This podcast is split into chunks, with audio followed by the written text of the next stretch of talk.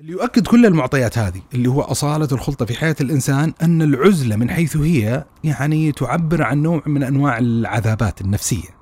العذابات النفسية وأن أحد الأنماط التي يمكن أن يعاقب بها الإنسان لما يعزل عن إطاره المجتمعي. يعني إحنا ذكرنا أن السياق الزمني سياق بين قوسين لا إنساني. يعني أحد المنجزات اللي تحققت على يد الحداثة الغربية أنها خلقت لنا سياقا عالميا آه، مربكا بشكل كبير جدا.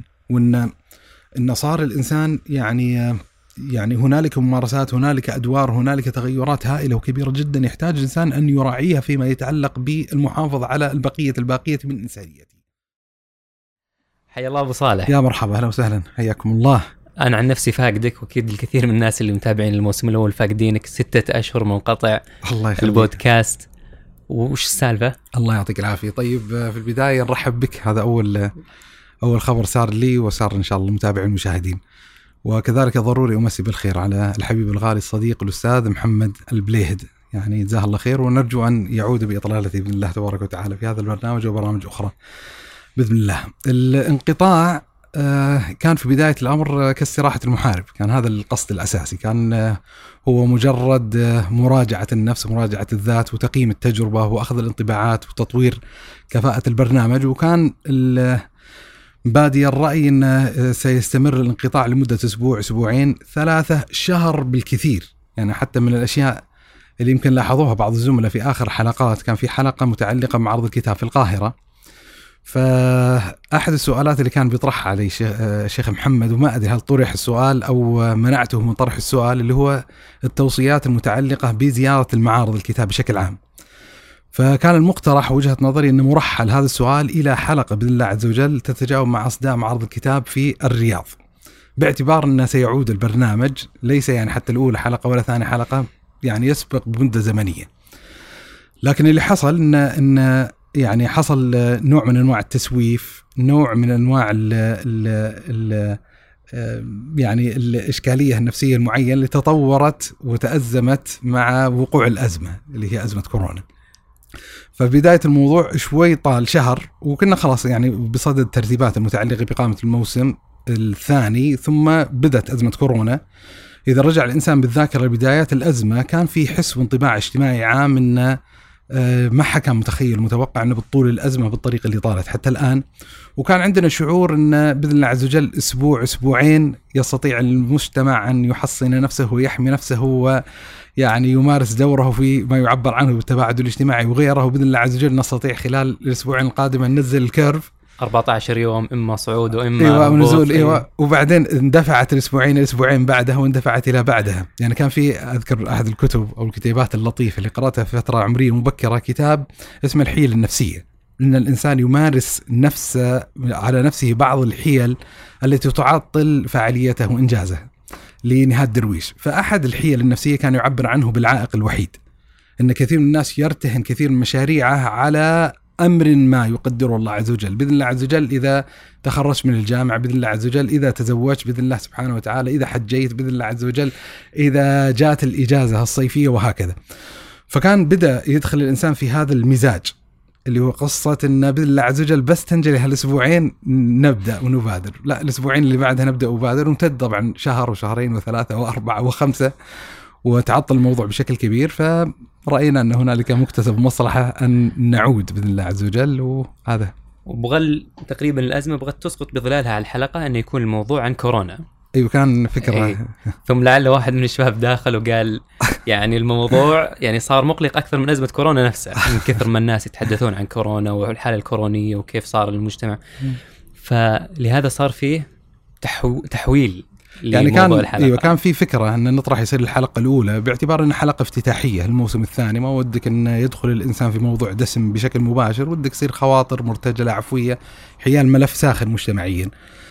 فما أخفي كان في قدر من الممانعه الذاتية الشخصية من الموضوع لا بالاعتبار اللي اللي ذكر اللي هو قضية النبات موضوعا باردا مستهلكا. مستهجنا في الذوق العام باعتبار أنه غطيت كثير من ملفاته ويستطيع الإنسان يتابع عدد من المقاطع المرئية والبرامج الفضائية في عدد من يمكن حتى محاضرات في عدد يعني غطيت كثير من مناحي بات مستهلك. بس كان الانطباع الأول بالنسبة لي انه صعوبة الإنسان يدخل في الموضوع لأن الموضوع واسع الموضوع آه، متضخم بشكل كبير جدا. يعني موضوع أزمة كورونا ألقى بظلاله على مختلف المناحي الإنسانية البشرية في مجال السياسة في الاقتصاد في الاجتماع في النفس على المستوى الديني. يعني حتى صار في عندنا حديث على مستوى الفقهيات إنه هنالك حزمة من المسائل الفقهية اللي يستطيع الإنسان باعتبار ما يوصفها بأنها من قبيل النوازل الفقهية. آه، في مشاهد والتقاطات معينة كانت مثار استهجان حتى في بعض. أنا أزعم بعض الأوساط الشرعية وصار ثم صارت طبيعية متقبلة يعني موضوع التباعد في الصلاة. يعني كان أول اللقطة يشاهدها وأظن كانت الصور الأولى اللي شاهدتها لأحد المساجد في المجتمع الغربي في أمريكا. إيه فبدأ يتداول النقاش إن هل يجوز هذا لا يجوز الفعل هذا. أحدهم من الزملاء يستخرج نصا عند المالكية في القضية هذه. طيب ما الحكم الاصطفاف الصلاة؟ طيب إذا لم يكن إذا كان هنالك حاجة فأزعم كذلك إن من الفوائد اللي حصلت اللي هو تحريك الذهن الشرعي بس الشاهد إن الموضوع متضخم وبالتالي صعب أن يقدم الانسان معالجة أو خواطر كورانية كورونية أو أحاديث حول الأزمة هذه آه، في كل هذه المناحي. ونضاف عليها الانطباع السلبي اللي اللي ذكر وحتى نفس الأخ اللي اقترح وهو حبيبنا الغالي مشاري الابراهيم قال إن كنتم مصرين حتى كأن ذوقه فيما يتعلق بالموضوع ليس يعني هو الموضوع الأكثر أهمية لكن إن كنتم مصرين فعلى الأقل يصير حديث عن بإذن الله عز وجل عن قضية العزلة، عن قضية مم. العزلة باعتباره ال- الجوانب المجتمعية اللي سجدت مع هذه الأزمة مم. الحالية. وأنت تتكلم عن الآثار الشرعية المترتبة على أزمة كورونا جت بالي أمثلة ثانية اجتماعية مثل عدم المصافحة، من كان يتخيل مم. إنها الإخوان يعني لما يسيرون على بعض إيه. يعني أشقاء ورغم ذلك يعني صار ما عاد في مصافحة بطيب نفس إيه. يعني حتى بدأ الناس يقولون لعل عقب الأزمة يصير المجالس الكبيرة يعني يكتفي بالسلام نظر يعني أهون من والله هو ال- يعني أنا قصدي في جملة من الأعراف والعادات المجتمعية كسرت في ظل الأزمة الحالية. أحد المكتسبات اللي ضروري التنبه لها اللي هو إمكانية كسر الأعراف والعادات الاجتماعية بالذات إذا كانت الأعراف والعادات الاجتماعية سلبية. يعني لما نتكلم بخصوص المصافحة، المصافحة من حيث هي أمر مشروع مستحب وكان الصحابي إذا لقي أخاه صافحه ثم إذا فصلت بينهما شجرة عاد إلى المصافحة مرة أخرى وإذا صافح المسلم أخاه المسلم تحاتت خطاياهما، شاهد أن يعني ما يريد الإنسان يسقط الكلام التالي على مثل هذه الممارسة المخصوصة، بس على الأقل أن مثل هذه العادة الاجتماعية أو حتى الدينية المتجذرة في الحالة القائمة الموجودة آه، استطاع كثير من الناس ان ان واللافت بالنسبة لي النظر إن استطاعوا إن تتغير في فترة زمنية تعتبر وجيزة بشكل كبير جدا. ولو قيم الإنسان عدة معطيات متعلقة في الأزمة سيجد إن فعلا الأزمة ألقت بظلالها على كثير من الأعراف والطقوس الاجتماعية، يعني مثلا ما يتعلق بالأفراح والأعراس. يعني في أظن بيئات اجتماعية ما كانت تتخيل إلا العرس الكبير الضخم واضطرت تحت وقع الأزمة إما أنها تختصر الزواج بطريقة يعني مناسبة لأجواء حظر تجوال اللي كان مرة الممنوع القضية وبعضهم يعني بعد ذلك اللي هو ال- التجمعات العائلية البسيطة والصغيرة. يعني آه، فالشاهد انه ممكن الإنسان يعني يولد قناعة بإمكانية كسر بعض الأعراف، بالذات زي ما ذكرت إذا كانت عرفا اجتماعيا سلبيا يحتاج لنوع من أنواع الإزالة. آه، وهنالك بعض ال ال ال الأشياء كذلك يعني تحتاج إلى مراجعة فيما يتعلق بهذا الباب. يعني تضخم ال- الصلات المجتمعية عبر المنصات الإنترنتية قضية التعازي على سبيل المثال من الظواهر الغريبة اللي تأسست اللي هو فتح group مثلا في الواتساب وانه يستقبل التعزية في هذا ال group في الفترة الفلانية الفترة الفلانية. إيه فبالنسبة لي أنا عندي موقف سلبي فيما يتعلق بهذا الإطار وإنه لا أقل على الأقل من اتصال الهاتفي في شيء يعني. يعني بدائل أكثر آه، أو أفضل. يعني فالشاهد إن. اللي يهمني في هذا الإطار انه بمبدأ إمكانية كسر العادات الاجتماعية بين قوسين السلبية مقدور عليه وممكن ولا يستدعي في كثير من الأحيان فترة زمنية طويلة جدا يحتاج المجتمع في كثير من الأحيان إلى دفعة معينة أما تكون دفعة اللي حصلت دفعة صحية أو دفعة اقتصادية أو دفعة سياسية وايا كان فأحد القضايا الاجتماعية الكبرى اللي تغيرت في ظل الأجواء اللي حصلت عندنا اللي هو موضوع ال- التخفف الإنسان من المخالطة إن صح التعبير. أو يعني ما نعبر عنه في عنوان الحلقة بقضية العزلة. صحيح يعني صح قلنا آثار الاجتماعية وفي الآثار على الإنسان اللي هي من ضمنها إيه. تخفيف الخلطة لكن تسمية العزلة يمكن يجي في البال على طول انه واحد جالس لحاله نعم. بس انها مو بشرط إنها كذا يعني ممكن في مراتب معينة من العزلة. يعني في يعني هو القصة إذا إذا أراد الإنسان إنه يوجد المطابق الموضوعي للمجريات اللي حصلت في فترة أزمة كورونا فحقيقة الأمر أن ما نشأت حالة من حالات العزلة الكلية التامة الحقيقية وأتصور أنه ممكن توجد في دوائر اجتماعية يعني ضيقة. يعني إنسان عزوبي مثلا بعيد عن والديه في اعتبارات معينة. أعرف أن في بعض المبتعثين مثلا تعلقوا مثلا خارج البلد يعني متصور وجوده. بس أنا قصدي كشريحة مجتمعية واسعة الظاهر الأكثر لصوقا اللي اللي اللي وقعت وحصلت إنها حصلت حالة من حالات اولا التخفف من الخلطة. وهذا مستوى من مستويات العزلة. ولذا حتى من التعبيرات اللي وجدتها الإمام الخطابي، الخطابي له كتاب بعنوان العزلة. فأحد التنبيهات اللي أشار إليها لصيانه الكتاب من التوهمات الفاسدة أنه لا يدعو إلى حالة من حالات العزلة المجتمعية الكلية التامة وإنما حتى طرح هذا التعبير نوع من أنواع التخفف الاجتماعي أو ما عبر عنه بالتخفف من فضول الصحبة. التخفف من فضول الصحبة.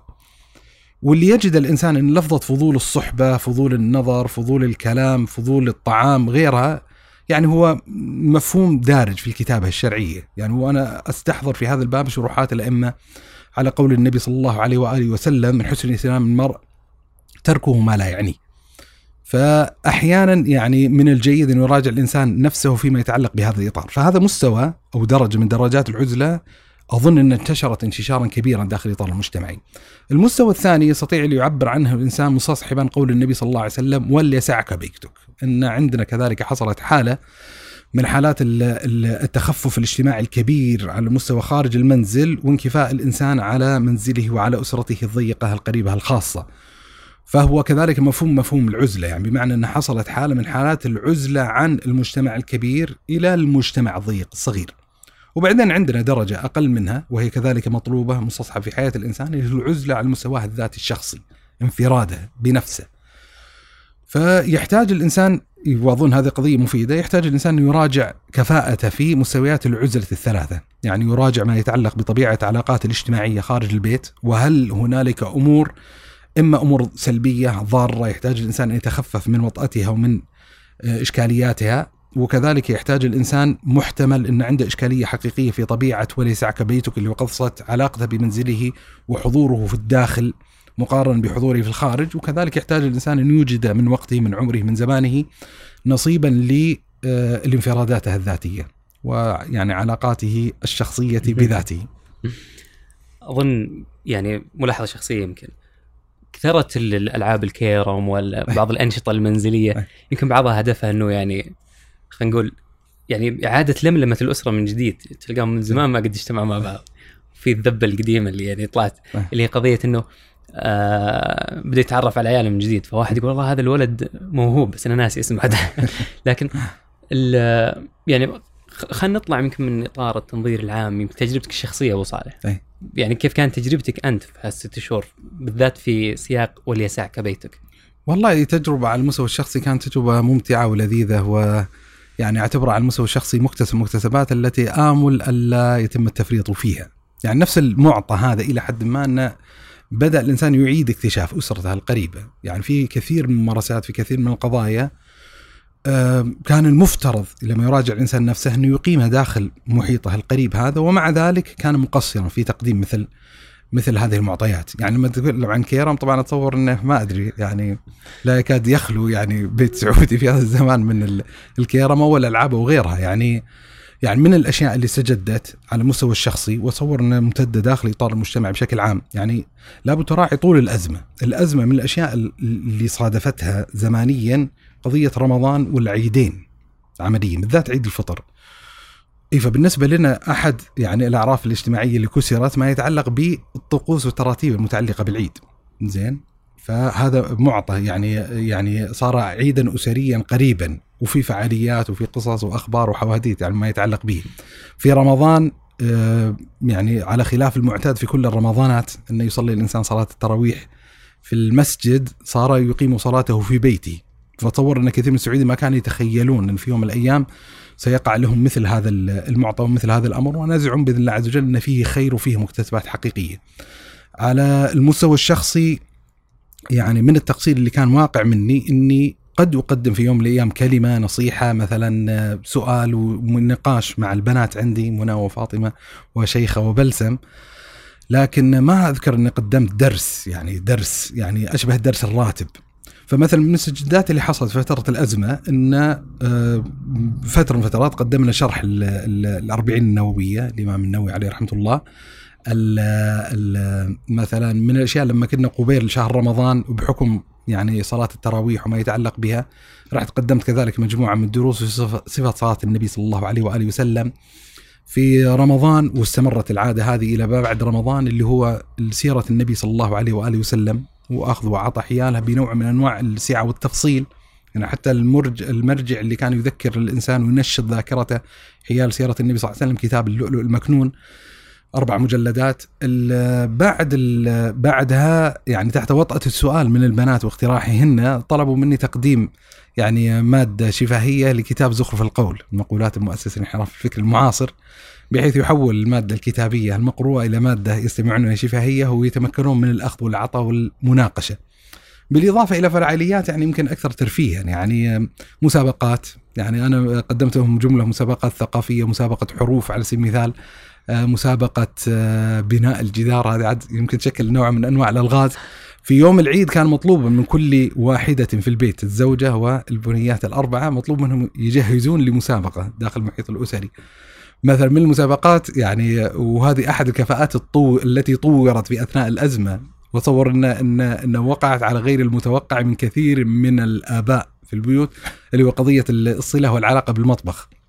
فأنا يعني صلتي غير حسنة بالمطبخ. يعني دائما إذا قيل يعني شو الطبخة اللي تتقنها وكذا فإذا كنت فاترا أبغى أهون من مقدراتي أقول أقدر أسوي بينات بتر على سبيل المثال اللي هو السندويش وكذا. وإذا مرة متحمس إن عندي مقدرات فائقة في قضية الطبخ فأقدر أسوي بيض مفيوح. يعني مفيوح يعني مقصود مسلوق. يعني حتى قضية إنه يخلط فمثلا من المسابقات اللي عقدت عندنا كانت الزوجة رتبت المسابقة معينة والمسابقة هذه يعني فيها نوع من أنواع الحظوظ يعني ممكن أن يصادف شيئا تحظى به ماليا ولا شراء كوبونات أو ايا كان وبالمقابل قد يصير يعني مطلوب منك أنك تأكل شيبس مع الكاتشب ولا يعني مشاكل معينة. تأخذ ثلاث لفات على البيت. أي داخل خلاص هذه خذيتها قلت لك القصة هذه خذيت الثلاث لفات. لا وسريع مطلوب منك إنه مو بس مشي تتمشى لا يعني. بحماسة واندفاع. فأحد الأشياء اللي كانوا الأهل مرتبينها داخل داخل المسابقة وكنت مقصودا بها وهي تعول على كرم الله عز وجل وسخائه أن يقع عبد الله العجيري في هذا الفخ اللي هو قضية إنه إنه يجهز لنا العشاء. إنه يجهز العشاء. وأنا أقول لك علاقتي مرتبكة بالمطبخ. وفعلا بحمد الله عز وجل قدمت على هذه الخطوة وأتصور إني صرت يعني بين قوسين مش خبير الخبير. زين لصناعة أفضل كسادية في العالم العربي والإسلامي. وأبد طبعا بمعونة الأستاذ الكبير الشيخ يوتيوب.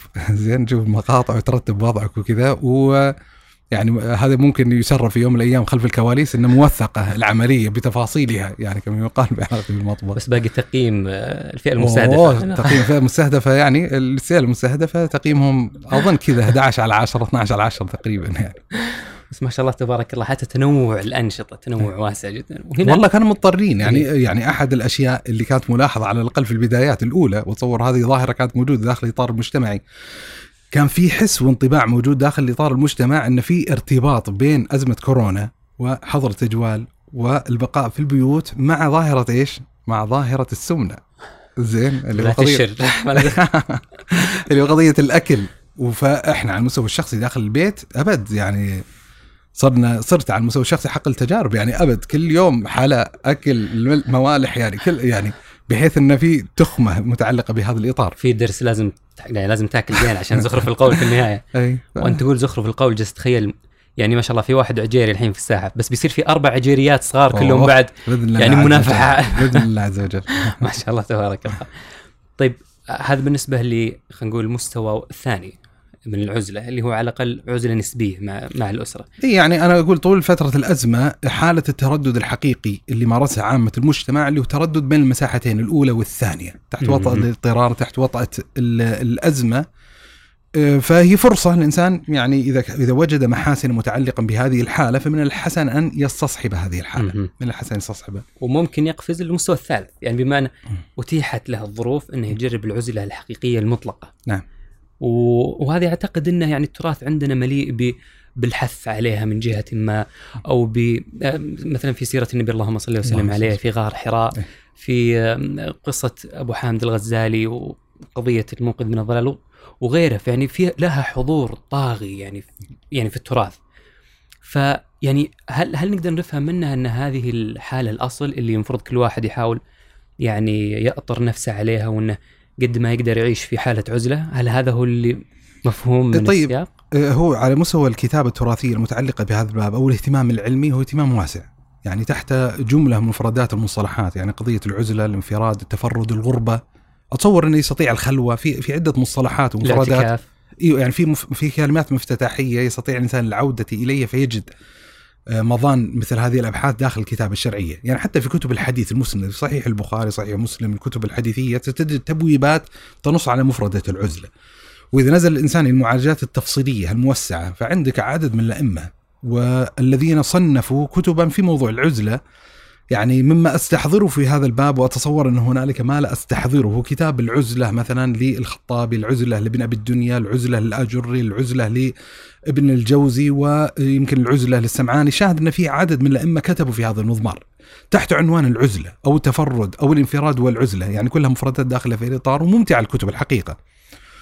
ويصعب على الإنسان أن يستصحب كثير من المعاني الموجودة فيها باعتبار أن كثير منها مثلا تحكي آثار مسندة متعلقة بهذا الباب، لكن موطن الشاهد انه له حضور حقيقي في الكتابة التراثية وفي احتفاء وفي اعتناء في التنبيه على أهمية قضية العزلة. طبعا إذا إذا إذا أراد الإنسان يقدم معالجة لما يتعلق بمستوى العزلة في حياة الإنسان فأحد القضايا الأساسية اللي يحتاج الإنسان كذلك أن يحفظها وأن يدركها وأن يلاحظها أن العزلة من حيث هي لا تمثل. يعني أصلا في حياة الإنسان، يعني إذا قلنا ما هو الأصل في حياة الإنسان؟ هل هي الخلطة أو العزلة؟ فأنا ميال بطبيعة الحال أن الأصل في حياة الإنسان هي الخلطة. وأن العزلة هو الاستثناء الذي نريد الإشارة والتنبيه إليه، يعني حتى الخطابي لما تكلم عن العزلة أحد المعطيات اللي أظن ختم بها كتابه وكان في أواخر الكتاب نبه إلى هذه الإشارة ليس مقصودة بتأليف هذا الكتاب الانقلاب على قضية الخلطة لصالح العزلة، لكن هو يريد الإشارة والتنبيه إلى معنى، إلى معنى مغيب في حياة كثير من الناس ويحتاج الإنسان انه يراجع نفسه فيما يتعلق بهذا البعد المغيب. يعني لما يتكلم إنسان عن الخلطة يستطيع الإنسان أن يقيم بنيانا آه، من وحي العلوم الاجتماعية أو من وحي العلوم الشرعية بما يؤكد على أصالة الخلطة في حياة الإنسان، يعني في البعد الاجتماعي على سبيل المثال آه، تجد في كثير من الأدبيات الاجتماعية توصيف الإنسان بأن كائن اجتماعي، بأن كائن اجتماعي، بأن كائن لا يستطيع أن ينفك عن المعيشة داخل إطار مجتمع، داخل تماس مع بشر، مع ال- التعبير الدارج المشهور الإنسان مدني بطبعه، له حضوره في التراث الإسلامي كما له حضوره خارج التراث الإسلامي. يعني عدد من الأئمة من من أقرأ لهم مصادفة تقع عينك على هذه العبارة. ابن العربي المالكي الإمام ابن تيمية ابن القيم الرازي ال- الغزالي شاهد ان إن كثيرة يعني كثيرة جدا مثل هذا الإطلاق. الإنسان مدني بالطبع الإنسان مدني بطبعه. ابن خلدون بما يؤكد على أصالة ال أصالة ال ال الخلطة في حياة الإنسان. آه هذا على مستوى ال ال يعني حتى حتى على على مستوى النصوص الأدبية، يعني مثلا لما يقول الشاعر عوى الذئب فاستانسوا للذئب إذا عوى وصوت إنسان فكدت أطير، إن هذه هذه الوضعية الطبيعية للإنسان إنه يصعب عليه يشعر بنوع من أنواع الوحشة والألم متى ما فارق بني جنسه. آه بعدين عاد يعني ال- ال- المعطى الشرعي كذلك واضح يعني حجم منظومة التشريعات المتعلقة بالعبوديات المشتركة الاجتماعية قضية الصلوات على سبيل المثال يعني إما الصلوات الخمس آه، أو صلاة العيد صلاة الكسوف في عدة مثلا أحكام متعلقة بالحج. نشاهد أن عندنا منظومة تشريعات وعبوديات كثيرة جدا. يعني مثلا قول الله عز وجل وتعاونوا على البر والتقوى ولا تعاونوا على الإثم والعدوان. هذه منظومة اجتماعية. يحتاج لا يستطيع الإنسان يتعاون مع نفسه يتعاون مع يعني اضطرارا غيره. آه، النبي صلى الله عليه وسلم أصلا أكد على هذا المعنى حتى في وجه في, من جهة التوازنات الشرعية المتعلقة بقضية الخلطة والمتعلقه بقضية العزله، يعني قول النبي صلى الله عليه وآله وسلم الذي يخالط الناس ويصبر على أذاهم أفضل ممن لا يخالطهم ولا يصبر على أذاهم. فمن جهة الترتيب الوزن الشرعي فمخالطة الناس أفضل إذا كان الإنسان قادرا على الصبر على الأذى الذي يمكن أن يلحقه في هذا الإطار. آه، من الأشياء اللافتة في النص القرآني اللي هو قول الله عز وجل مثلا في حق الأنبياء والرسل وفي حق نبينا صلى الله عليه وسلم مفردة ويمشون في الأسواق ويمشي في الأسواق اللي هو فكرة التعبير عن النبي بأن من طبيعته من هويته نوع من أنواع الانسجام والاختلاط الاجتماعي ليس يعني عبدا نائيا عن مجتمعه بعيدا عنهم بل هو متطلب لإصلاح داخل الأفق والبعد الاجتماعي. اللي يؤكد كل المعطيات هذه اللي هو أصالة الخلطة في حياة الإنسان أن العزلة من حيث هي يعني تعبر عن نوع من أنواع العذابات النفسية. العذابات النفسية وأن أحد الأنماط التي يمكن أن يعاقب بها الإنسان لما يعزل عن إطاره المجتمعي. يعني مثلا على المستوى الطفولة أحد المفردات اللي أجدها دائما رائجة ودارجة في الأدبيات التربوية الغربية فكرة المعاقبة ب بين قوسين time out time out إنه يعني إنه يتم عزله في غرفته مثلا معاقبة له على سبيل المثال أو حرمانه من الخروج من المنزل. هذه مثلا أحد الأدوات التربوية الموجودة عندهم. على المستوى التنظيرات الشرعية عندنا قصة كعب بن مالك رضي الله عنه وأرضاه هلال بن أمية ومرار بن الربيع في قضية أن تخلفهم عن غزوة تبوك فعوقبوا بهجر المجتمع الإسلامي لهم. هو لون من أنوان تخليق حالة العزلة عقوبا. فلو لم تكن لو لم يكن في العزلة معنى معاني العذابات والألم لما اتخذت يعني أداة كهذه الأداة. على سبيل المثال ال ال ال إذا رجع الإنسان على سبيل المثال إلى أدب السجون والحديث عن قضية السجن الانفرادي وكذا تجد أن في حديث في العذابات المتعلقة بها. والأضرار النفسية وأحيانا حتى العقلية اللي ممكن تتخلق عند الإنسان إذا ابتعد، يعني تقرأ مظاهر أحيانا مشتركة بين الأدبيات المتعلقه بهذا الباب بشكل لافت، يعني تتكون علاقات ودودة مع النمل على سبيل المثال، يعني في في هذا المحبس، مثلا يبدأ يعد مثلا يعني يصير احتفاء واعتناء بالتفاصيل الدقيقة الصغيرة التي لا معنى لها. وكلها من نواحي محاولة إشغال الذهن وإشغال النفس والتخفف من العذابات المتعلقة بها. يعني مثلا آه، لما كنت أقرأ الرواية المشهورة العالمية حقت ماري شيلي اللي هو فرانكشتاين شخصية طبعا هو الفرانكشتاين يعني على اسم الطبيب والدكتور اللي هو فيكتور فرانكشتاين. بس هو الوحش في أحد الالتقاطات المهمة الموجودة في الرواية لما يعني مع التحفظ الموجود فيها لما ابتعثت الحياة في هذا الوحش و آه، اكتشف هذا الطبيب بشاعة هذا الأمر الذي خلقه هجره.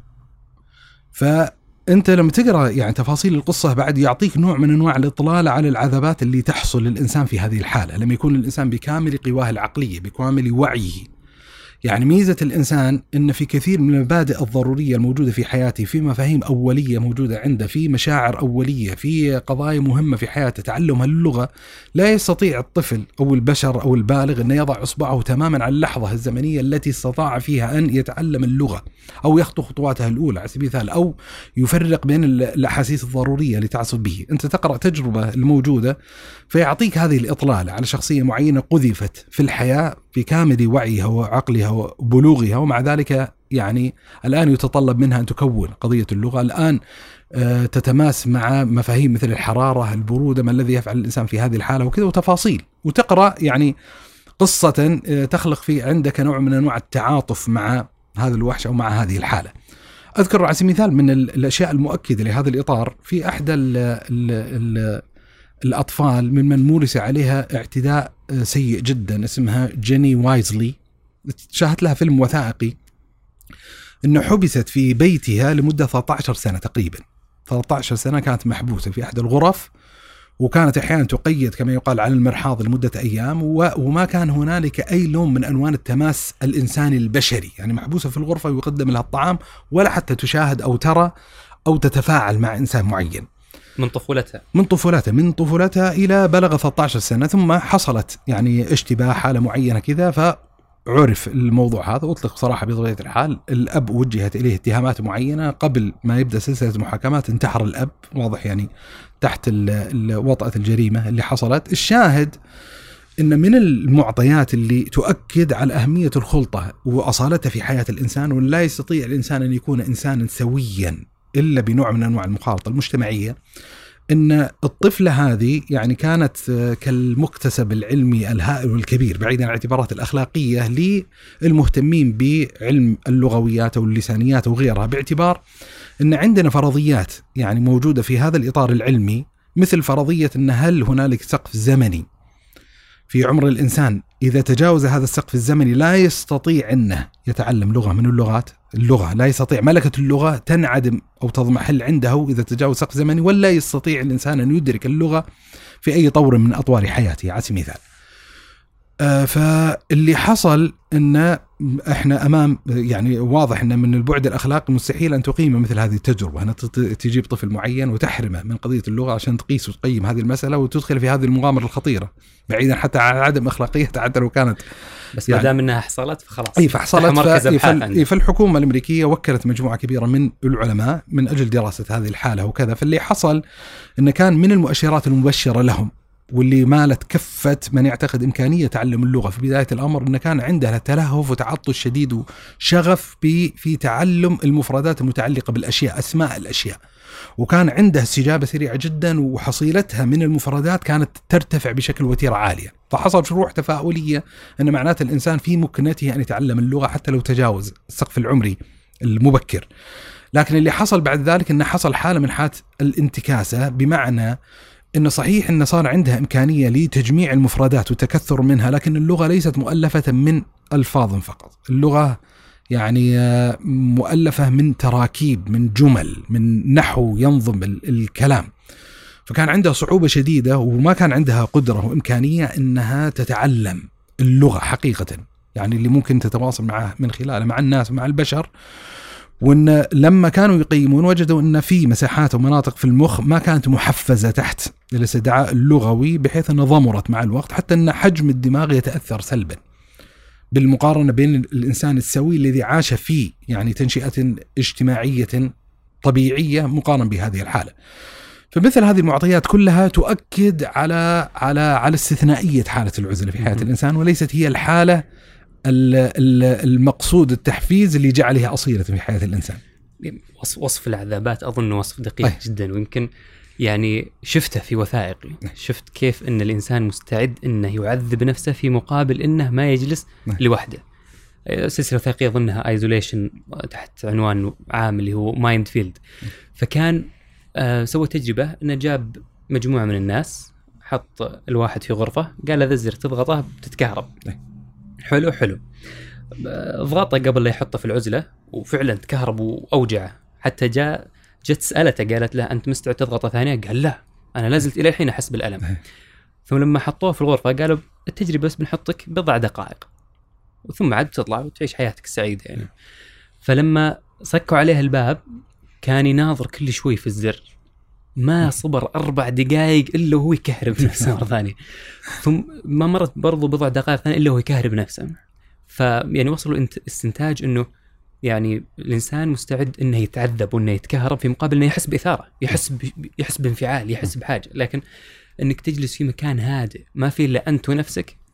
عاد أنت ونفسك اللي أصلا لك مسلك لها 40 سنة ما اعطيتها وجه ولا في يعني بعد بتطلع لك مكبوتات 40 سنة بتتعذب صدق يعني.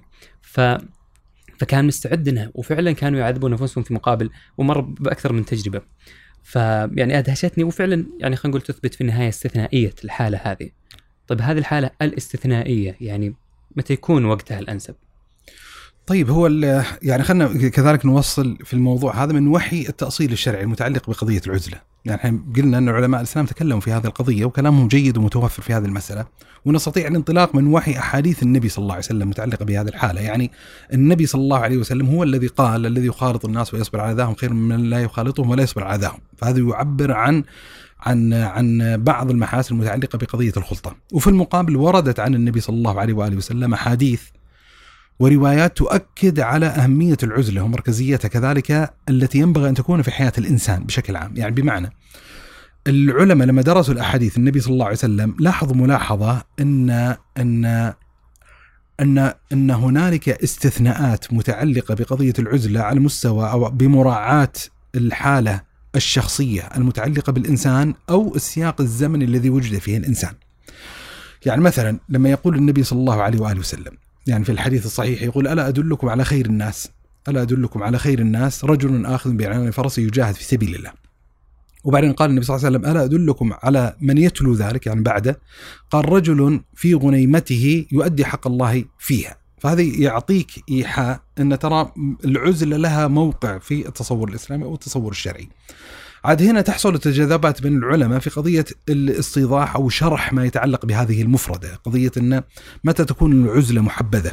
أنا أتصور أن نقدر إحنا نقسم المسألة هذه إلى إلى صورتين.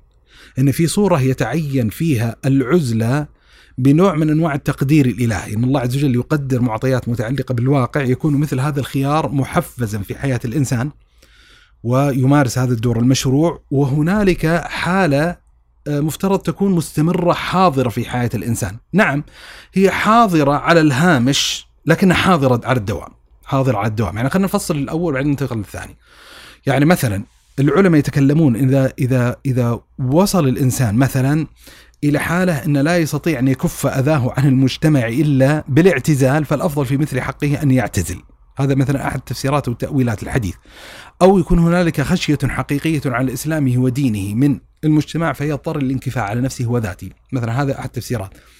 طبعا التفسير اللي اجدني مائلا إليه وتدل عليه يعني ما بيقول عشرات مبالغ لكن في عدد غير قليل من الأحاديث النبوية تدل على مركزية حضور العزلة كفكرة وكمفهوم وكواجب شرعي في ظل الفتن، بالذات الفتن المتعلقة بالقتل أو الفتنة التي تنبعث في الناس حتى لا يعرف فيها الناس معروفا ولا ينكرون منكرا، يعني لما يقول النبي صلى الله عليه وآله وسلم في الحديث الصحيح يقول كيف بكم يخاطب الصحابة؟ كيف بكم؟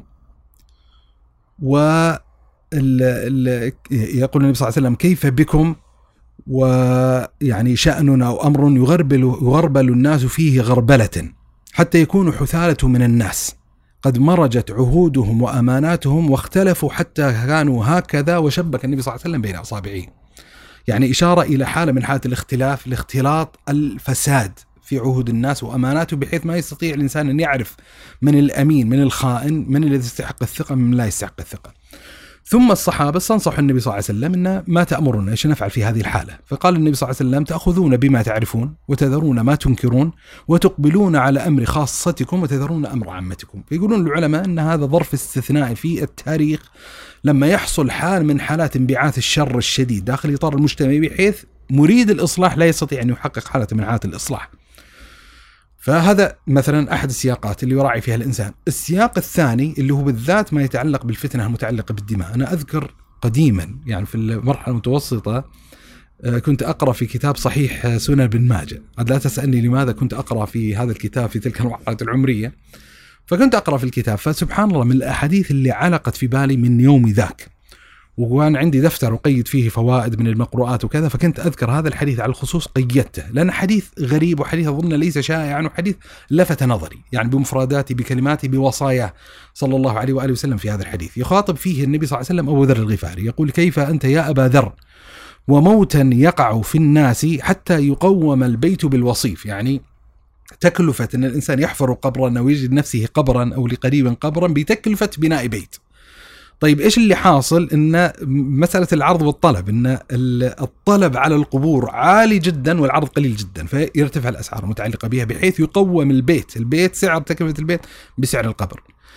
فيقول أبو ذر للنبي صلى الله عليه وسلم ما خار الله لي ورسوله. يعني ما هو الأمر الذي تختار ما الذي تحثنا أن أفعله في مثل هذا الظرف؟ فقال النبي صلى الله عليه وآله وسلم تصبر. وجميلة حتى التعبير تصبر في مثل هذه الحالة.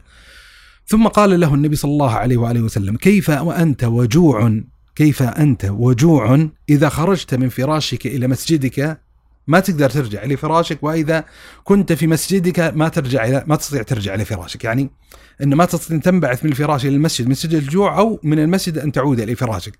فقال ما خر الله لي ورسوله فقال له النبي صلى الله عليه وسلم عليك بالعفة.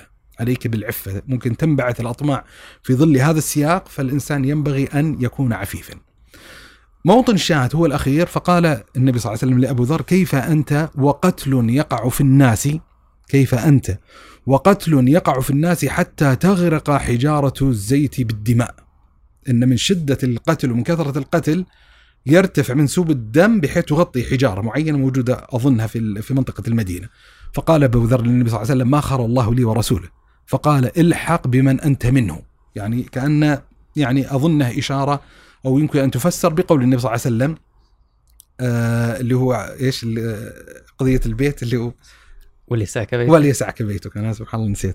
وليسعك بيتك طيب آه، فقال أبو ذر للنبي صلى الله عليه وسلم ألا آخذ سيفي فأخرج؟ يعني أقاتل من فعل ذلك. هذا القتل اللي استحرب الناس. ليش ما أشار يعني أدفعه؟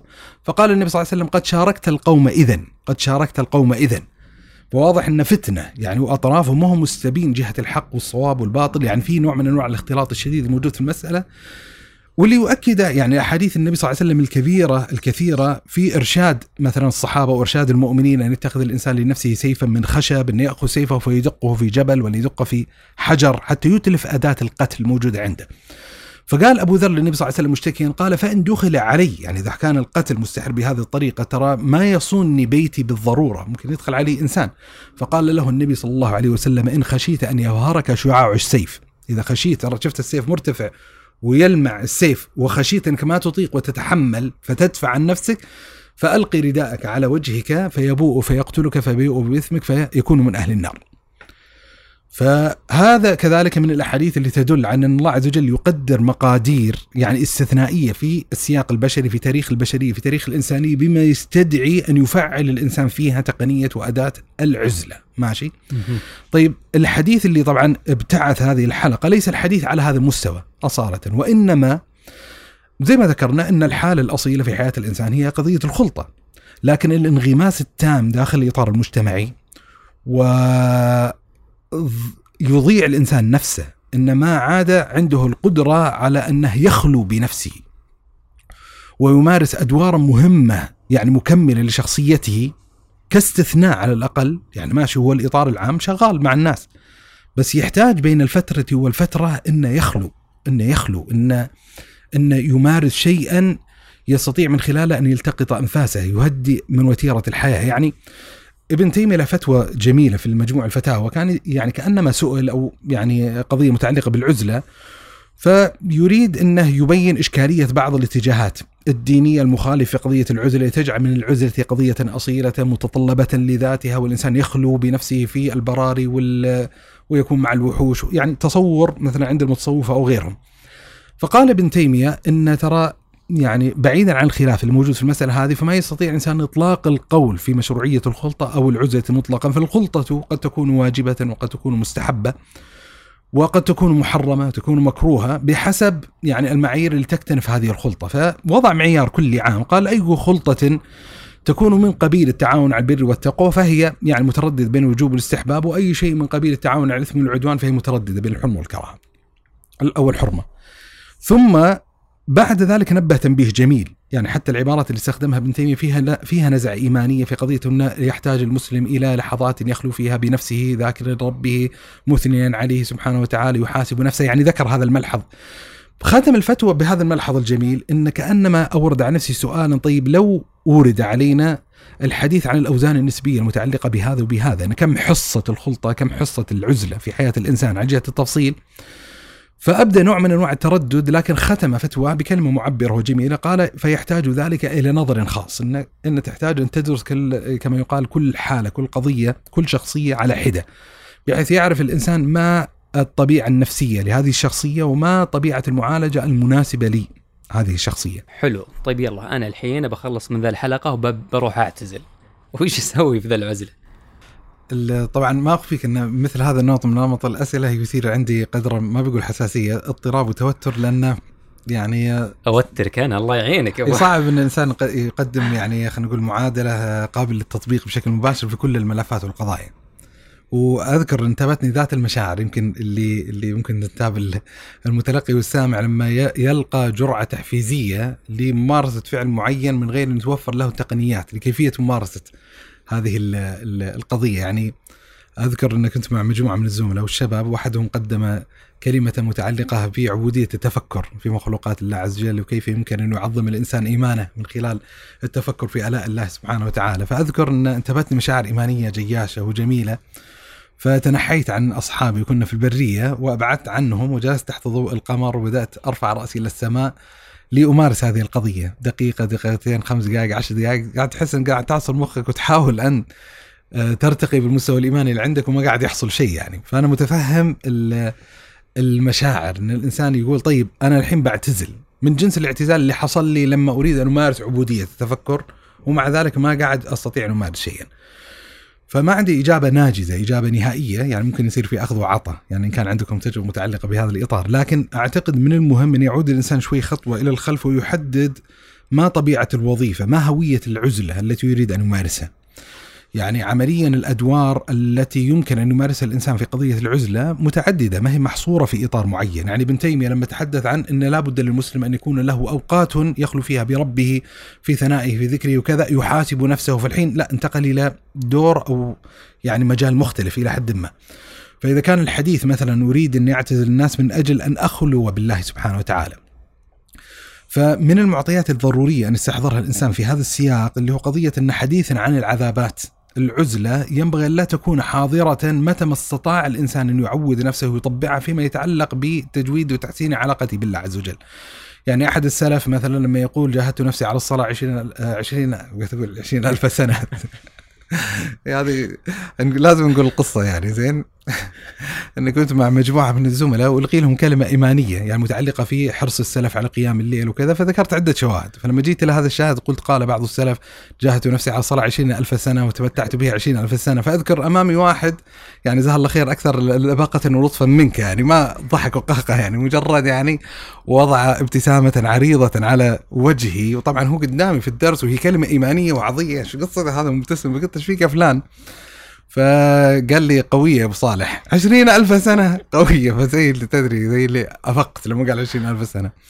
فإن أحد السلف يقول جاهدت نفس الصلاة عشرين سنة وتمتعت بها عشرين سنة. فمعناته هنالك لذة ومتعة ممكن يتحصل عليها الإنسان بالذات إذا كانت المسألة عائدة للخلوة بالله سبحانه وتعالى. وأنا أظن من الضروري للإنسان حتى يجود عزلته وخلوته بالله سبحانه وتعالى إنه يستعرض الأدبيات المتعلقه بهذا الإطار، أنا ما أخفيك يطربني العنوان الجميل اللي وضعه الشيخ محمد الغزالي لكتابه فن الدعاء والذكر، يعني دائما يستهويني هذا المعنى إن هل هنالك يعني فن ذوق تقنيات أدوات معينة يستطيع الإنسان الاستعانة بها من أجل تطوير كفاءته في ذكر الله عز وجل في دعائه لربه سبحانه وتعالى في مثل هذه الخلوات؟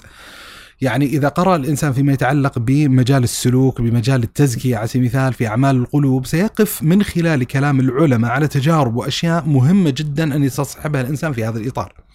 يعني على سبيل المثال بس هذا يعني من طرف الذهن كما يقال ابن القيم لما أراد أن يتكلم عن أحوال الناس في ذكر الله سبحانه وتعالى قاعد يتكلم مستصحبا معنى إيماني من الضروري يتنبه له في باب ذكر الله عز وجل ودعاء الله سبحانه وتعالى الله سبحانه وتعالى لا يتقبل من الدعاء إلا ما كان مذكورا فيه سبحانه وتعالى إلا من قلب غير ساه ولاه. طيب كيف يستطيع الإنسان أن يحقق هذه الجمعية للقلب؟ فيقول ابن القيم أحوال الناس في هذه القضية أشبه الثلاثية في ثلاثة أحوال، في حالة معينة يبتدئ الإنسان في ذكر الله عز وجل بلسانه من كي من غير أن يكون القلب مواطئا متوافقا مع اللسان. بس يقول ابن القيم إنه يستمر يستمر يستمر يستمر فيستتبع اللسان القلب يعني يبدأ القلب يحضر وبالتالي يحصل المواطأة المطلوبة فهذه حالة. قد يكون الإنسان منسجم مع هذه الحالة فهي حالة حسنة مطلوبة وما يضر الإنسان ما فاته في البداية دام سيستطيع أن يحصل مطلوبة عن طريق أو عن هذه الطريق. في حالة أخرى مضادة الإنسان لا يريد أن يحقق لنفسه نوع من أنواع جمعية القلب واستحضار جلال الرب سبحانه وتعالى من غير أن يكون هنالك ذكر لساني. وبعد ما تتخلق هذا أو يتحصل الإنسان على مثل هذا الشعور الإيماني يبدأ ينطق بالذكر فيجد أن هنالك نوع من أنواع المواطأة الحاصلة بين الطرفين اللسان والقلب. وفي حالة ثالثة إن من لحظة ما يبتدئ الذكر يكون القلب حاضرا. فالشاهد أنه يعني من الضروري أن يتفطن ويتنبه الإنسان. يعني من أعظم ما يعين الإنسان على تحقيق مثل هذه المقامات باب التعرف على الله سبحانه وتعالى واستحضار أن الله سبحانه وتعالى يراك وأن الله سبحانه وتعالى يسمعك وانه ينظر لمثل هذه المعاني المتعلقة بالله عز وجل نظرا إيجابيا أنه مو بالضرورة أن إذا استحضرت سمع الله عز وجل وبصره أن تستحضر يعني ذلك المعنى في مقامات معصيته سبحانه وتعالى. أنت عرفت حتى في مقامات الطاعة يفرح الإنسان بعبودية الله سبحانه وتعالى لأنه يستحضر أن الله سبحانه وتعالى يراه وأنه عليم سبحانه وتعالى وأنه يسمع سبحانه وتعالى وغير ذلك من المعاني. فالشاهد مسألة الخلوة بالله سبحانه وتعالى أظن أنه من أعظم المكتسبات من أعظم الوظائف اللي يستطيع الإنسان أن يحققها في باب العزلة لكنها ليست بطبيعة الحال الوظيفة الوحيدة. مثلا أم، يعني بغيت أقول إنه يعني خلينا نقول فرعا عن قضية إنها جزء من الطبيعة الإنسانية إنها الاستثناء هو الخلوة. فممكن مثل ما ذكرت أبو 20 سنة اللي كان يجاهد يعني الإنسان أول ما يبدأ من أول مرة بيجد صعوبة يعني مثل أذكر أول مرة آه، كنت قلت باجلس جرب العزلة الحين بين صلاة المغرب والعشاء في المسجد ومعي كتاب حاط المصحف على جنب في حال. ف يعني ما جلس خمس دقائق إلا وأنا يعني في سابع نومة. وقلت اليوم الثاني خمسة أيام وأنا كل الفترة نايم. فيعني تصور أنه بيلقى كل هذه الصعوبة في البداية. ثم يعني ممكن عقب يبدأ يسال عليه الموضوع بالذات إنه إحنا كاملينها عن انفسنا يعني. ف ويمكن هذه بعد خلينا نقول فاصل. يعني إحنا نتكلم عن عالمين مستقلين عالم اللي هو عالم الحضور مع الناس وعالم المجريات اللي تملأ الإنسان ويعني تبعثر تاخذه إلى درجة إنه يعني يكاد يخلو من ذاته. يعني لو طلع كل العناصر المرتبطه بخارجه ما بقى إلا جسمه بس. والسبب إنه يعني مسترسل مع المجريات والإنسان لو ما جلس يفكر كان بقي منجرف مع الناس. هذه هو العالم الأول لو صح التعبير. العالم الثاني هو عالم يعني العودة إلى الذات. ويمكن أعتقد هنا وما أدري تصحح لي يمكن كل ما نتحدث عنه هنا في قضية الخلوة بالله ويعني بعض بعض عبادات القلب كلها مرتبطة بهذا العالم الثاني اللي هو يتطلب حالة من انفصال الذهن عن الآخرين عن الناس وعن تأثيراتهم. و- وهي اللي بيلقى فيها الإنسان صعوبة جزء منها صعوبة الإنسان الحديث في التعامل مع نفسه والتعامل مع يعني أصالة وجوده واستقلاليه يعني آه، أفكاره ومبادئه وقناعاته يعني اللي نابعه آه، عن تأمل دقيق وفكر نقدي. لكن الفكر النقدي ما راح يكون موجود نهائي لو ما كان.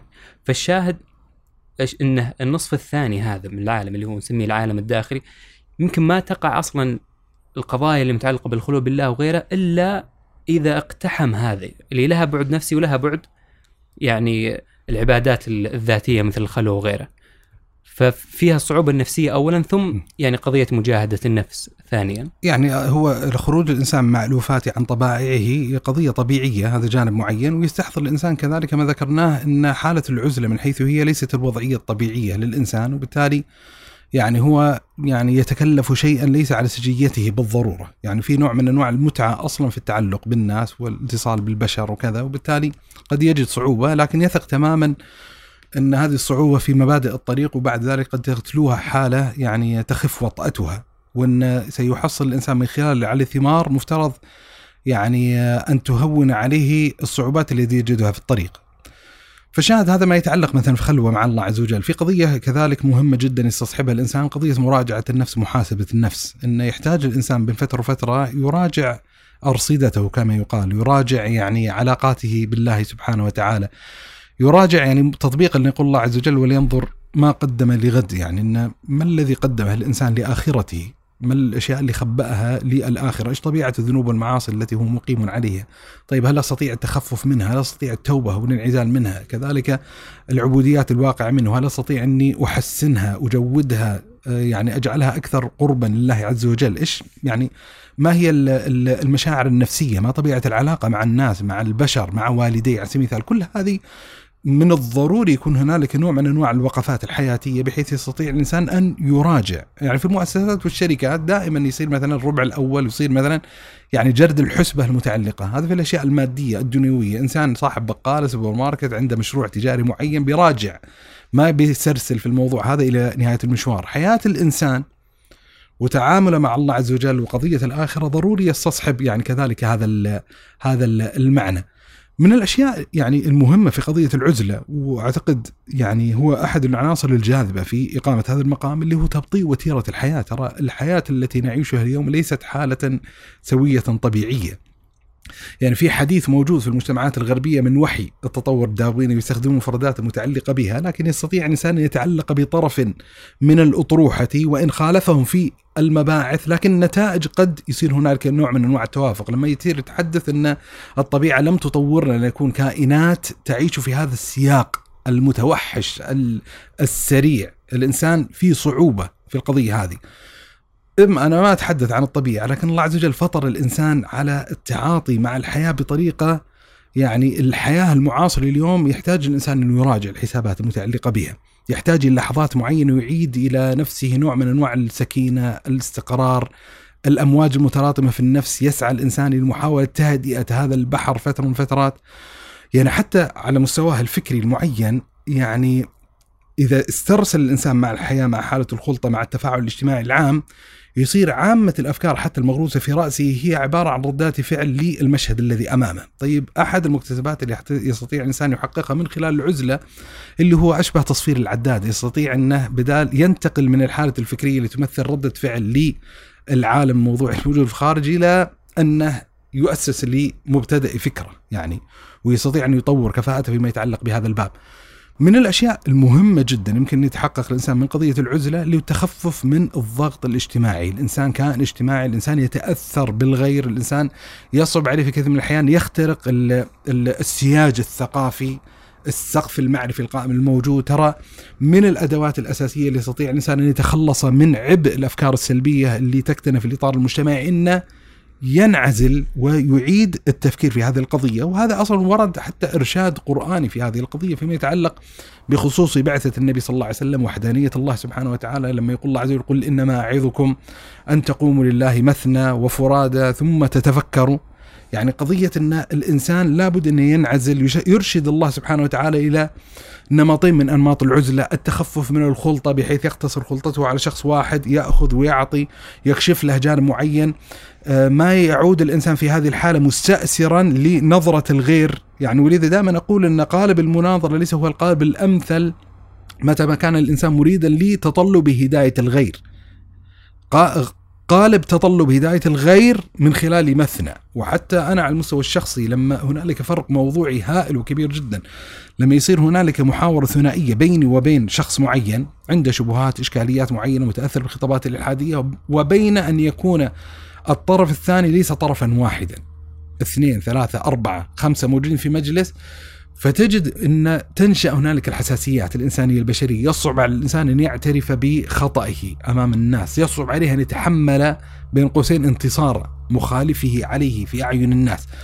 فيستطيع أن يتخفف وهنالك مستوى أكثر عمقا وأكثر أهمية في حياة الإنسان أن يكون منفردا منعزلا ويتأمل في الموضوع ويفكر في القصة. حتى يستطيع إنه إنه إنه يصل إلى النتيجة التي ترضي الله سبحانه وتعالى. فهذه يعني كلها معطيات ضروري أن يستصحبها الإنسان في وظائف العزلة وبعدين يستطيع الإنسان أن ينتخب الأدوات والأساليب والتقنيات التي تحقق له مثل هذه الوظيفة مثل هذا الهدف.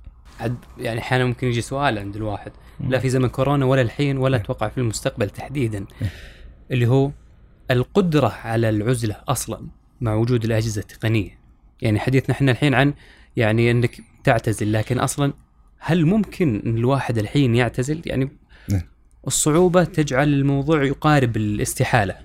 يعني إحنا ذكرنا إن السياق الزمني سياق بين قوسين لا إنساني، يعني أحد المنجزات اللي تحققت على يد الحداثة الغربية إنها خلقت لنا سياقا عالميا آه، مربكا بشكل كبير جدا، وان إن صار الإنسان يعني آه، يعني هنالك ممارسات هنالك أدوار هنالك تغيرات هائلة وكبيرة جدا يحتاج الإنسان أن يراعيها فيما يتعلق بالمحافظة على البقية الباقية من إنسانيته. يعني مثلا من المخاطر لما تتكلم عن شبكات التواصل الاجتماعي الإنترنت وغيرها اللي هو اختلاط العالم الافتراضي بالعالم الواقع الموضوع الحقيقي يعني بمعنى أنا يعني في التصنيفات المتعلقة بهذا الباب يعبر عني بحكم إني عشت اللحظة التاريخية وأنا واعي بالغ عاقل قبل عالم الإنترنت ثم عشت عالم الإنترنت. فيوصف يعني الواقع إني أنا مهاجر رقمي بمعنى إن عشت اللحظة اللي قبل ثم دخلت إلى هذا العالم ولا زلت محافظا على اللكنة. لا زلت واعي بأن إن هنالك شيء غير طبيعي في العالم إن العالم ليس كذلك. لكن المشكلة إن نشأت الحين أجيال يعبر عنها بالمواطن الرقمي اللي عاشت الحياة ولا تستطيع أن تتصور حياة خارج هذا الإطار. عاشت في ظل شبكات التواصل الاجتماعي وعت على الدنيا موجودة فيسبوك موجود اليوتيوب موجودة مختلف هذه التقنيات.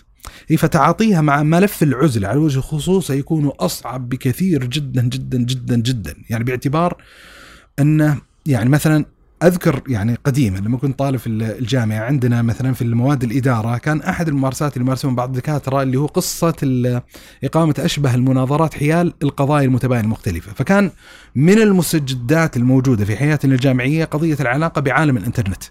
فكان أحد الادبي يعني أحد ال ال القضايا الساخنة واللي كان يتابع الإنسان بعض ما يتعلق به عبر هذه المنصة الجديدة عالم الإنترنت اللي هو قضية ادمان الإنترنت، يعني كان سؤال مركزي ومحوري. وإن بدأت تنشأ عندنا ظواهر اجتماعية غريبة مثلا ساعات طوال يقضيها الإنسان في ما يسمى ما أدري يعرفون الناس اليوم لأ مقهى الإنترنت، هذا شيء يعني يعني إن الإنسان قد لا يستطيع أن يتوصل إلى عالم الإنترنت إلا عبر زيارة مقهى. أما في البيت ما في قضية الإنترنت كنا هذا عايشين زمن الدايل اب وغيره فكان يقسم طبعا طرفين فكان أحد السؤالات المحورية أو أحد المعايير اللي يكشف من خلال كون الإنسان مدمنا غير مدمن اللي هو كم عدد الساعات اللي تقضيها على الإنترنت.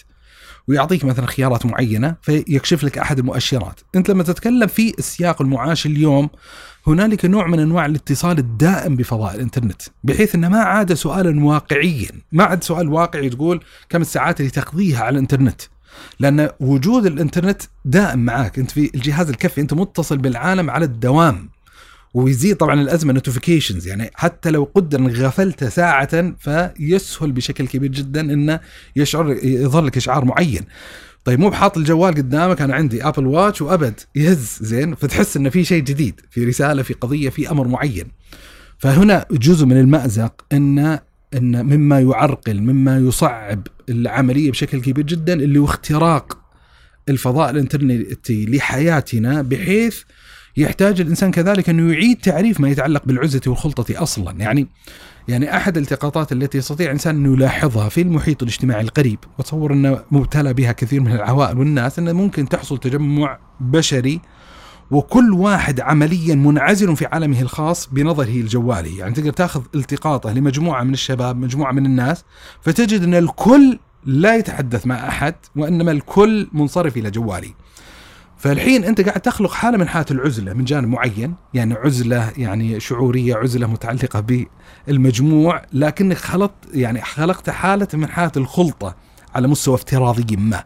بما يعني يحتاج أن تعيد تعريف ما يتعلق بهذا القضية، يعني في أزمة كورونا لما تكلمنا في البداية إن في تخفف من الخلطة، إيوه في تخفف من الخلطة إذا أقمت معيار الخلطة قضية المقاربة الجسدية. آه، يعني إن إن يكون الإنسان موجودا مع آخر ومع آخرين في غرفة واحدة.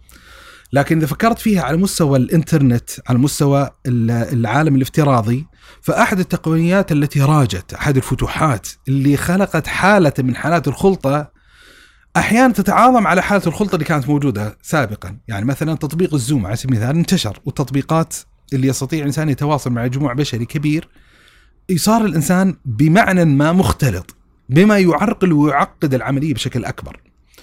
شبكات التواصل الاجتماعي من الواضح تماما إن عندنا مأزق فيما يتعلق بهذا الإطار وهنالك شعور بالحضور الدائم مع الناس وطبعا ما أريد الحين أتحدث حتى على مستوى على مستوى آه، طبيعة هذا العالم الافتراضي يعني والتشظيات الموجودة فيه وإن الإنسان يعني يصنع في عالمه الافتراضي عالمه الخاص المنعزل إلى حد ما من عالم الآخر يعني إن إحنا أمام عوالم افتراضية أكثر من عالم واحد. من القضايا اللي أعتقد يعني الخطيرة واللي تؤكد خطورة الموضوع وإشكاليته زين واللي تعرقل المسارات الجادة في التبشير والدعوة إلى تخليق حالة من حالات العزلة المطلوبة في حياة الإنسان لتحقيق تلك الأهداف المنشودة اللي ذكرناها. وخلني أقاربها بطريقة يمكن طريفة. أنا ما أخفيك على المستوى الشخصي أنظر بقدر من الريبة لظاهرة الاستهلاك المعرفي. يعني أحد لما تنظر لها من زاوية معينة أحد الجوانب الإيجابية الموجودة عند كثير من شبابنا وشاباتنا وفتياننا وفتياتنا اليوم إن هنالك نوع من أنواع النهم، نوع من أنواع الرغبة، هنالك طلب لا بأس به على المواد المعرفية.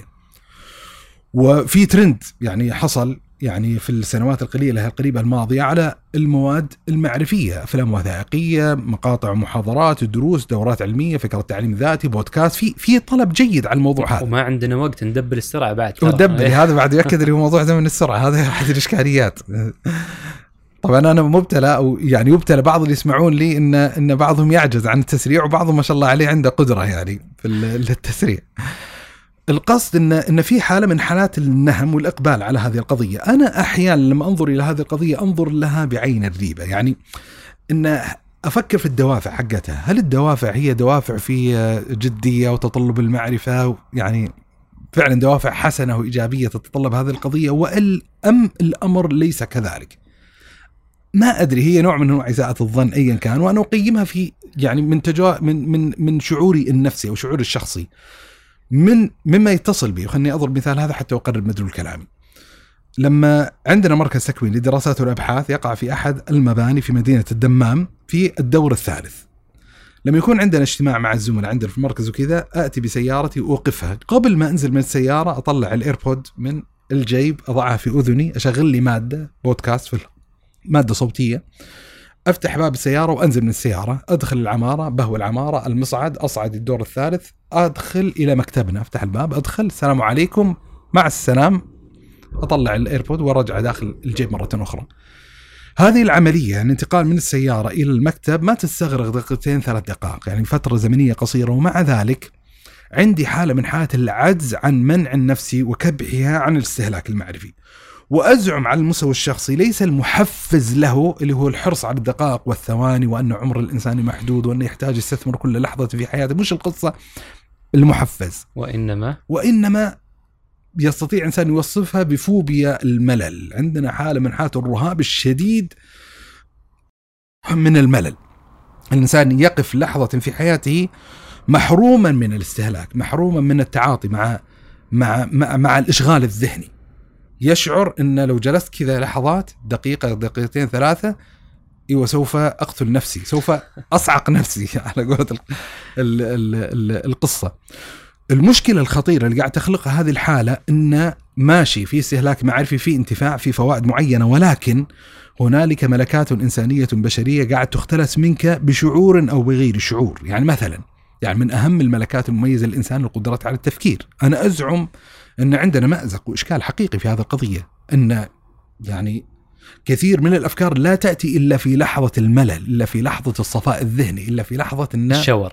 الشاور على سبيل المثال. بعد هالمسيره أيوه على يعني على سبيل المثال. يعني الحين مثلا من الظواهر الاجتماعية تصور الشائعه واللي باتت أصيلة في حياة الإنسان اللي هو قضية إنه ماسك الجوال وفي دورة المياه هذه وضعية طبيعية. الآن تقنيات كثيرة أنت تتكلم عن أجهزة كفية تتكلم عن عن Kindle على سبيل المثال النسخة الأخيرة منه ال Oasis يصير waterproof طيب ليش واتر بروف ليش water تقرأ كتاب waterproof ليش؟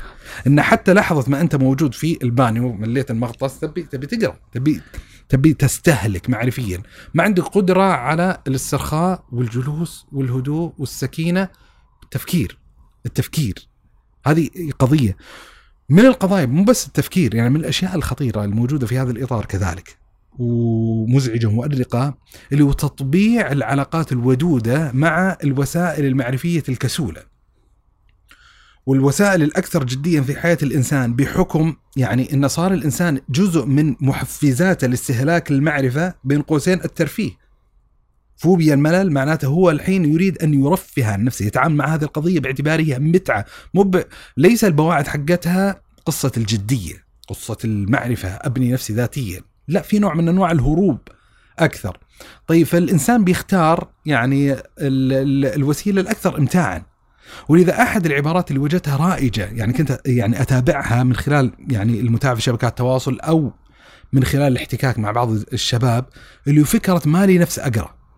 يعني في أزمة كورونا في حث ودفع وتحريض وحبيبنا الغالي الشيخ مشاري الشثري كاتب مقالة كان عنوانها طالب العلم في زمن الكورونا أو زي كذا. يعني في تحفيز وأنه مفترض أن يكون عند الإنسان مشروع وهنالك موسوعات وكتب. يعني وفي رجل في المنطقة هذه ممتاز جدا في دعوة وتبشير. وفي تهيئة ظروف. وفي وظرف ظرف استثنائي. عندك الزمن مفتوح بطريقة فلكية ما كان محسوب حسابه وحتى يعني أنتم أهل الرياض يمكن أخبر المشاوير يعني ما يستهلك من عمر الإنسان في الطرق والشوارع شيء كثير فعندك الحين انفراجة كبيرة جدا في الزمن والوقت بحيث إن كثير من المشاعر آه، من المشاريع المسوفة، المشاريع ال- المرجئة، المعطلة، المتعثرة في فجأة جاتك لحظة زمنية معينة أشهر تستطيع أن تحقق إنجازات مهولة فيما يتعلق بهذا الإطار.